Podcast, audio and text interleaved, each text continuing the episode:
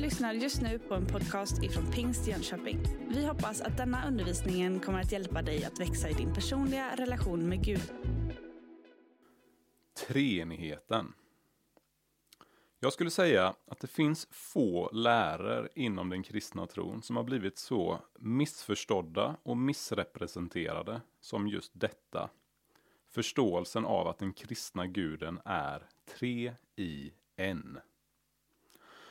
Och samtidigt så är läran om att vår Gud är treenig faktiskt grunden för allt som den kristna tron är. Utan treenigheten så är det faktiskt ingen överdrift att säga att vi skulle inte ha något evangelium, vi skulle inte ha några goda nyheter. Så många frågor som är centrala för den kristna tron kokar faktiskt ner till just denna lära. Varför är Gud kärlek? Jo, eftersom Gud är en treenighet. Hur kan vi bli frälsta från våra synder? Jo, eftersom Gud är en treenighet. Hur kan vi leva det kristna livet? Jo, eftersom Gud är en treenighet. Och inte bara det, utan genom att Gud är en treenighet. Men hur kan det vara så? Hur kan något som är så pass centralt samtidigt vara så pass missförstått? Ja, denna korta stund som vi har framför oss kommer vi bara tillsammans skrapa på ytan av den djupa och ljuva rikedom som det innebär att förstå hur Gud är treenig. Vi ska tillsammans kort försöka besvara två stycken frågor. För det första, vad säger Bibeln om saken? Alltså, vi ska försöka besvara frågan om treenigheten överhuvudtaget är biblisk. Och för det andra, vad spelar det egentligen för roll? Alltså besvara frågan, är treenigheten överhuvudtaget viktig? Men vi börjar med den första. Vad säger Bibeln? Det samlade vittnesbördet från Bibeln skulle man kunna säga beskriver sanningen om Gud som treenig så här. Som tre delsanningar formade ihop som en större sanning, skulle man kunna säga. Och det lyder så här.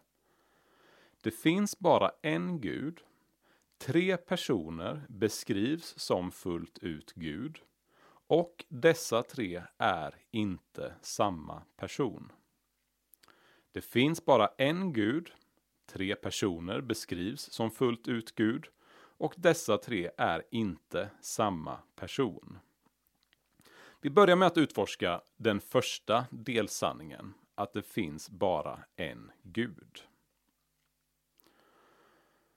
För 3500 år sedan så uppenbarade sig skaparguden Yahweh Adonai för och räddade sitt folk från slaveriet under främmande makter som var synd. När denna gud så skulle ge det största och viktigaste budet till sitt befriade folk, som de skulle etsa in i varje vrå av deras hem, av deras kropp och deras medvetande, så sa han så här, och jag läser från femte Mosebok kapitel 6 och vers 4. Hör Israel, Herren vår Gud, Herren är en. Alltså, det som har varit den fasta sanningen i antik judendom, i nutida judendom och kristen tro genom årtusenden har sedan dess alltid varit monoteism. Förståelsen och läran om att det bara finns en Gud. Så det är den första delsanningen som vi konstaterar ganska, ganska enkelt helt enkelt. För det är väldigt självklart när vi ser på det gammaltestamentliga arvet att det finns bara en Gud. Och då kommer vi till den andra av de här delsanningarna. Att tre personer beskrivs som fullt ut Gud. Ja, frågan är ju varför har vi inte bara stannat upp där som kristna med att helt enkelt bara samstämmigt med judarna stå fast om att säga att Herren är en och sen så är det inte mer med det. Jo, helt enkelt för att det beskrivs mer än så. Vi ser att det beskrivs tydligt i Bibeln och framförallt i Nya Testamentet att utöver att det bara finns en Gud så finns det också tre personer som identifieras som denna ende Gud. Om vi börjar med den första personen, Fadern, så behöver det nog inte ens poängteras. Både i Gamla och i Nya Testamentet så är det uppenbart att när det talas om Fadern så är det en person som beskrivs som och är fullt ut Gud. Men sen kommer vi till den andra personen, Sonen, Jesus Kristus. Och denna person beskrivs också i Nya Testamentet som Gud. Gång efter annan kan vi se hur bibelord från Gamla Testamentet, som där i Gamla Testamentets sammanhang talar om Herren, alltså Israels Gud, de här bibelorden kan citeras i Nya Testamentet för att så beskriva vem Jesus är. Så genom denna logik då alltså, så framgår det klart och tydligt att Jesus är Gud eftersom han beskrivs med hjälp av gammaltestamentliga texter som då handlade om Israels ende Gud. Och ett annat mäktigt exempel, det är hur det i Uppenbarelseboken talas flera gånger om hur en person beskrivs som alfa och omega, början och slutet.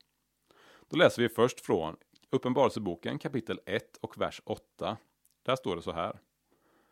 Jag är A och O, säger Herren Gud, han som är och som var och som kommer, den allsmäktige.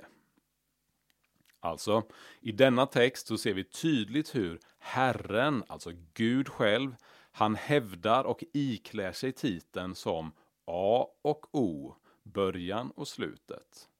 Så man kan säga att detta är alltså en titel som tillhör Herren Gud själv. Och sen spolar vi fram till slutet av Uppenbarelseboken. Vi går till kapitel 22 och vers 12 och 13. Där står det så här. Se, jag kommer snart och jag har min lön med mig för att ge åt var och en efter hans gärningar. Jag är A och O, den första och den siste, begynnelsen och änden. Alltså, det är uppenbart här, eftersom personen i detta bibelord som vi nyss läste, personen i fråga talar om att han ska komma tillbaka, så är det uppenbart att det är Jesus som nu bär denna titeln A och O. Så här ser vi hur Jesus i Uppenbarelseboken, han är bärare av exakt samma titel som Herren är. Helt enkelt eftersom Jesus också är Gud. Och detta är bara ett av många, många exempel som vi skulle kunna lista. Men på grund av tidsbrist så får vi röra oss vidare. Och då kommer vi då till den tredje personen som kallas Gud i Bibeln. Personen den helige ande. Och här tycker jag att vi ska inte vara rädda för att säga att detta för oss är den minst tydliga av de tre personernas gudomlighet genom både gamla och nya testamentet. Och jag skulle säga att det är faktiskt så av en särskild anledning. Andens identitet är inte lika uppenbar som sonens. Helt enkelt eftersom det ligger inte i andens vilja att framhäva sig själv. Lyssna här på hur Jesus beskriver vem den helige ande är i jag, jag, läser nu från Johannes kapitel 14 och vers 26 och kapitel 15 och vers 26. Jag läser. Jesus säger Men hjälparen, den helige ande som Fadern ska sända i mitt namn, han ska lära er allt och påminna er om allt som jag sagt er. När hjälparen kommer som jag ska sända er från Fadern, sanningens ande som utgår från Fadern, då ska han vittna om mig. Alltså, lägg märke här till hur andens funktion i mötet med människan, det är att påminna och peka på vem Jesus är och vad Jesus har sagt. Andens uppgift, det är inte att synliggöra sig själv, utan andens uppgift är att synliggöra sonen, att synliggöra vem Jesus är. Och därför är hans identitet inte lika uppenbar som faderns och sonens. Men det står ändå klart på flera ställen i Bibeln att anden är Gud. Till exempel i Apostlagärningarna 5 så är det en berättelse där aposteln Petrus säger klart och tydligt att om man ljuger för den helige ande så ljuger man för Gud. Helt enkelt eftersom den helige ande är Gud. Förutom dessa olika individuella nedslag som vi har gått igenom här väldigt kort, som bevisar och bestyrker att de tre personerna alla är Gud, så finns det också några vackra gemensamma beskrivningar som också talar för deras respektive gudomlighet. Och vi tar bara ett välkänt exempel och stannar upp vid. Vi läser från de sista orden i Matteus evangeliet. Matteus kapitel 28 och vers 18 till 20. Då trädde Jesus fram och talade till dem och sa åt mig har getts all makt i himlen och på jorden. Gå därför ut och gör alla folk till lärjungar. Döp dem i Faderns och Sonens och den helige Andes namn och lär dem att hålla allt som jag befallt er. Och se, jag är med er alla dagar till tidens slut. Vi ser inte detta i våra svenska översättningar, men det som konstateras här som är tydligare i grundtexten är två saker.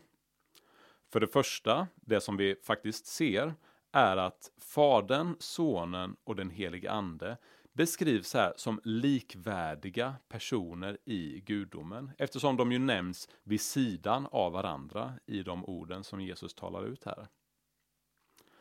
Men det andra som konstateras också, vilket vi också redan har sett tidigare i vårt samtal, det är att det finns bara en Gud.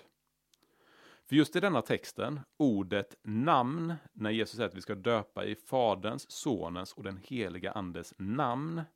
Det ordet namn står här i singularis. Alltså som att det är bara ett namn som man ska döpa i.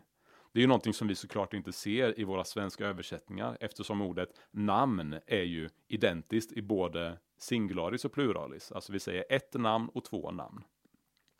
Men det som detta visar är att trots att det finns tre olika gudomliga personer så finns det samtidigt bara ett enda gudsnamn. Det finns bara en enda Gud.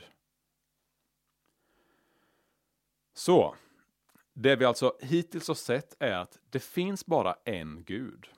Och denna ende Gudens identitet beskrivs som tre olika personer personen Fadern, personen Sonen och personen den helige Ande. Nu kommer vi till den tredje och sista av de här tre delsanningarna som utgör sanningen om treenigheten. Det är att de här tre personerna är inte samma person. Det vi menar när vi säger att de här tre inte är samma person, det är att dessa tre gudomliga personer är samexisterande med varandra. Alltså, enligt Bibelns texter så är det inte en och samma person som framträder på olika sätt vid olika tider. Gud är, enligt Bibeln, Gud är inte en person som iklär sig olika roller eller masker, utan han är en Gud som evigt existerar i dessa tre olika personer. Alltså Gud ska inte liknas med en och samma person som går till jobbet och är läkare på dagtid och sen går han till gymmet och så blir han en gymmedlem och sen kommer han hem på kvällen och då blir han en familjefar. Alltså det är inte en person med tre olika roller eller masker, utan det är tre stycken olika samexisterande personer. Och kanske den tydligaste texten som visar på detta är Matteus evangeliet kapitel 3 och vers 16 och 17. Detta är en av texterna som beskriver när Jesus döps. Och lyssna noggrant på nu vilka personer som är delaktiga i denna händelse. Jag läser. Matteus 3 och 16. När Jesus hade blivit döpt steg han genast upp ur vattnet. Då öppnades himlen och han såg Guds ande sänka sig ner som en duva och komma över honom. Och en röst från himlen sa Han är min älskade son, i honom har jag min glädje. Alltså, här ser vi in action hur alla tre gudomliga personer interagerar i skapelsen med skapelsen på en och samma gång. Anden sänkte sig, Fadern talade och Sonen döptes.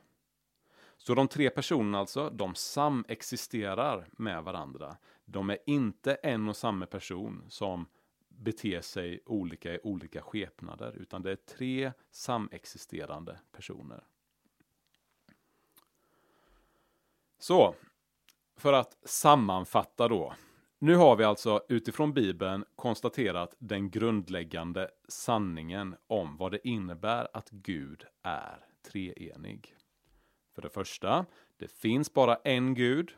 Och för det andra, tre personer beskrivs som fullt ut Gud. Och för det tredje, dessa tre är inte samma person. Så om vi ställer oss våran fråga som vi sa att vi skulle besvara, är treenigheten biblisk? Denna korta genomgång, som vi skulle kunna vika ut så oändligt mycket mer, visar ändå att det tydliga svaret på den frågan är ja. Treenigheten är biblisk. Och så kommer vi till den andra stora frågan som vi vill besvara här tillsammans. Vad spelar det egentligen för roll? Ja, vad spelar det för roll med treenigheten? Är inte treenigheten bara en filosofisk modell på pappret som är till för teologer som mig själv som har alldeles för mycket fritid på schemat? Nej, faktum är att treenigheten är själva förutsättningen för allt som vi upplever och tror om Gud som kristna. Och vi ska även här bara ta ett par exempel, även om vi skulle kunna utlägga detta så oerhört mycket mer i varför treenigheten är så pass viktig.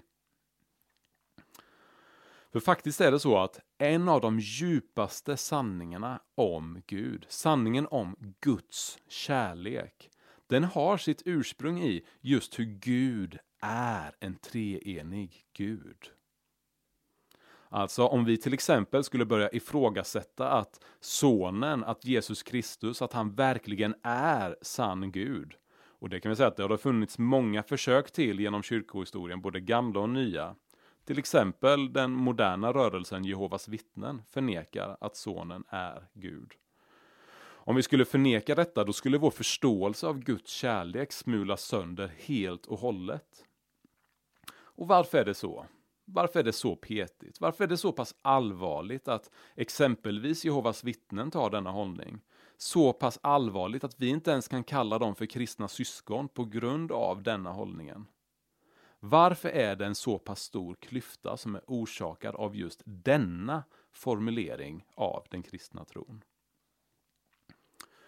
Jo, häng med och fundera lite med mig en kort stund över vad Guds kärleksgåva, vad Guds nåd innebär enligt olika religioner som finns världen över. Om vi tar Jehovas vittnen till exempel till en början. När deras Gud Jehova, när han skulle ge sin, först, när han skulle ge sin största kärleksgåva till mänskligheten, när han gav personen Jesus enligt deras förståelse, då gav han till världen någon annan än sig själv. Eftersom enligt dem så är inte Jesus Gud, utan Jesus är en ängel som är född i människokropp. Så deras Gud, Jehova, han gav en individ, han gav en av sina tjänare till världen. Men han gick inte själv ner till jorden för att komma människan nära. Så Jehovas gåva, det är någonting som är utanför, någonting som är något annat än han själv.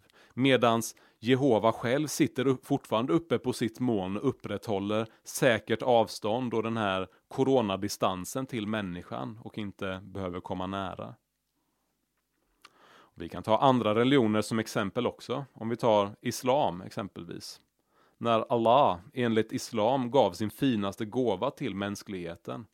När han skulle ge det finaste han hade, då gav han Koranen. Han gav en bok. Han gav en sak. Och inte heller han gav av sig själv i nära intimitet med människan.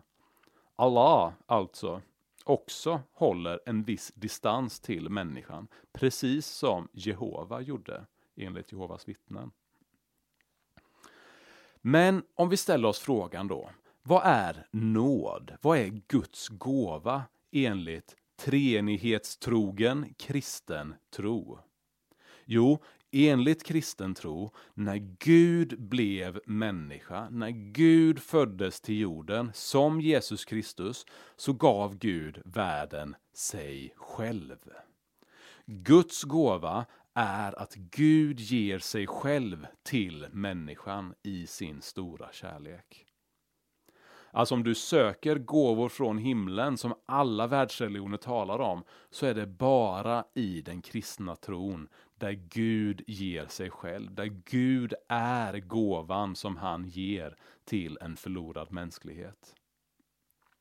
Alltså om du hänger med mig, den största gåvan som min fru skulle kunna ge mig, det är inte en bok, det är inte en maträtt, det är inte en sak. Utan den största gåvan, den största kärleken som min fru kan ge mig, den största kärleken som min fru kan visa mig, det är att hon ger mig av sig själv. Att hon ger av sig själv som en gåva till mig. Och detta ser vi i sin fullhet hos den treeniga guden och endast hos den treenige guden. Gud älskar världen så djupt att han ger den av sig själv. Bara i kristen tro så möter vi en Gud som älskade världen så mycket att han gav den sin enfödde son, att han gav den sig själv, för att de som tror på honom inte ska gå under utan ha evigt liv. Och denna gåva, att Gud ger sig själv, det är endast möjligt om vi bekänner oss till vår Gud som treenig. Alltså om man går emot Bibelns vittnesbörd, om man förminskar den gudomlighet som Jesus är, då har man också förminskat den kärlek, då har man förminskat den intimitet som Gud har visat när han gav sin enda son som en gåva för våran räddning, för våran frälsning. Förstår du det att när Jesus satt där på golvet och tvättade lärjungarnas fötter så var det Gud själv som tvättade lärjungarnas fötter. Förstår du att när Jesus grät och sörjde över att Lazarus hade dött så var det Gud som sörjde över att Lazarus hade dött. Och förstår du att när Jesus led på korset i vårat ställe, när han bar all vår synd, så led Gud på korset i vårat ställe. Det som visar sig i en sann förståelse av vem Gud är som treenig, det är just det oändligt stora måttet av Guds utgivande kärlek som blir förminskad, som blir haltande när man förminskar vem Jesus är som en person i treenigheten. Så därför, detta är en av anledningarna till att därför är det centralt och avgörande att vår Gud är treenig. Om vi inte förstår vem Jesus är så kan vi inte heller förstå djupet och kraften av Guds stora kärlek. Och det finns så mycket mer som vi skulle kunna säga om Guds kärlek. Vad innebär det till exempel att Gud är kärlek? Som Johannes skriver i första Johannesbrevet kapitel 4. Även här så har andra monoteistiska religioners gudar, alltså andra religioner som bekänner bara en gud och en person inom denna guden, de har inte mycket att komma med.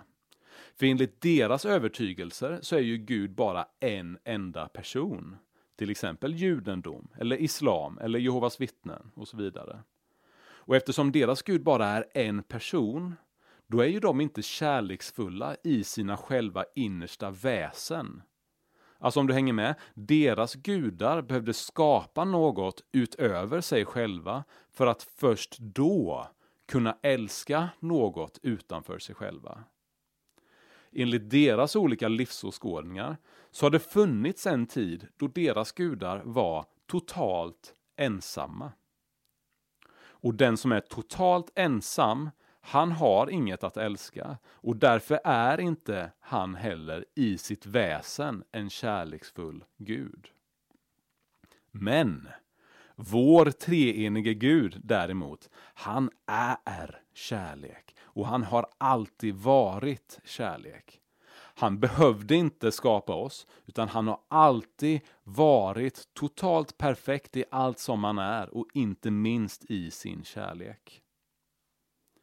Alltså om du hänger med, Gud, han skapade inte människan för att han behövde någonting att älska. Som man ibland slarvigt kan uttrycka sig när man pratar om vem Gud är. Nej, för inom treenigheten, då har Gud för evigt, sedan evighet tillbaka, så har Gud alltid älskat sig själv. De tre gudomliga personerna har alltid älskat sig själv perfekt och kommer alltid att göra så. Fadern och sonen har alltid älskat varandra. Sonen och anden har alltid älskat varandra. Och anden och fadern har alltid älskat varandra. Och lägg märke till, genom Nya Testamentet, att när Jesus ska beskriva Gud utifrån Guds främsta identitet, då kallar Jesus kallar inte Gud för skapare, eller härskare, eller herre, utan Jesus kallar Gud för fader. Som älskar och ger liv till honom som är sonen. Och detta sker i gemenskap med den helige Ande. Alltså, inneboende i Guds själva väsen är de här relationella termerna, de här relationella namnen, eftersom vår Gud per definition är en kärleksfull relation. Som Jesus säger i Johannes 17. Du, Fadern, du har älskat mig före världens skapelse. Alltså innan någonting annat fanns så älskade Gud. Bara den treeniga guden är en relation i sig själv, i sitt väsen. Och därför är bara den treeniga guden kärlek i sitt innersta väsen. Om du verkligen tror att kärlek och relationer är det viktigaste som finns och meningen med livet, då finns det inget annat alternativ än att tro på och falla ner på knäna inför en treenig Gud som alltid har varit kärlek och som är ursprunget och källan till all sann kärlek. Tänk på detta när du möter någon som tror att kärlek är meningen med livet men som inte är frälst i tron på den treenige guden.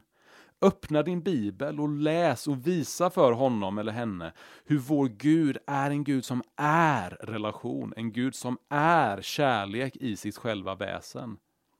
Anledningen till att människor innerst inne har med sig faktiskt den helt korrekta föreställningen om att kärlek är meningen med livet. Det är för att vi som människor, vi är skapade till att efterlikna honom som vi är avbilder av. Gud är kärlek eftersom Gud är treenig. Ja, allt detta är ju bara ett axplock på den stora rikedom som har sin grund i att vår Gud är en treenig Gud. Men kanske du undrar nu då efter allt detta och du kan tycka det känns invecklat när vi pratar om detta. Måste jag förstå treenigheten helt perfekt för att kunna vara kristen? Måste jag förstå allt detta helt korrekt och felfritt för att bli, kunna bli frälst? Och det korta svaret är nej, det behöver du inte. Någon har sagt så här om treenigheten. Försök att förklara den så kommer du förlora ditt förstånd. Men försök att förneka den så kommer du förlora din själ. Alltså, nej, du kommer aldrig fullt ut kunna fatta treenigheten med ditt förstånd. Och faktum är att det finns inte någon bra liknelse som perfekt beskriver treenigheten. Ägget-liknelsen, vatten, is, ånga, treklövern och alla andra bilder som vi, man kan använda sig av för att försöka beskriva treenigheten kommer alltid på något sätt komma till korta. Och det är ganska självklart när vi tänker efter. För när vi gör sådana jämförelser, då försöker vi likna Gud som är oändlig, upphöjd, evig och komplex. Vi försöker likna honom med någonting som är skapat, begränsat och litet. Och då kommer det ju per definition alltid bli fel. Så nej, du kommer aldrig kunna fatta treenigheten fullt ut. Men häng med på, som jag nyss citerade där innan, att det är en stor skillnad mellan att förstå och förneka. Om du lever troget Bibeln, om du bekänner det som är sant så långt som ditt förnuft orkar och förmår, fine. Jättebra. När du möter en bibeltext som säger att sonen såväl som fadern är olika personer men att de samtidigt är Gud, samtidigt som du vet med dig att det finns andra texter som talar om att det bara finns en Gud. Erkänn då hellre din oförmåga att kunna förstå det fullt ut, hur allting hänger ihop, och bekänn istället ödmjukt att detta är sant eftersom Bibeln säger så. Vi är inte först och främst kallade till att bara förstå, vi är först och främst kallade till att tillbe. Och den Gud som vi tillber är den treenige guden. Du måste inte och du kan inte fullt ut förstå treenigheten. Men du kan inte till något pris förneka treenighetsläran. Detta är en av de orubbliga och dyrbara sanningarna i den kristna tron. Vi tillber Gud som Fader, Son och helig Ande. Tre i en, skapare av himmel och jord och allting som är. Detta är vår grund, vårt hopp, vår Gud. Tack för att du har varit med och lyssnat idag.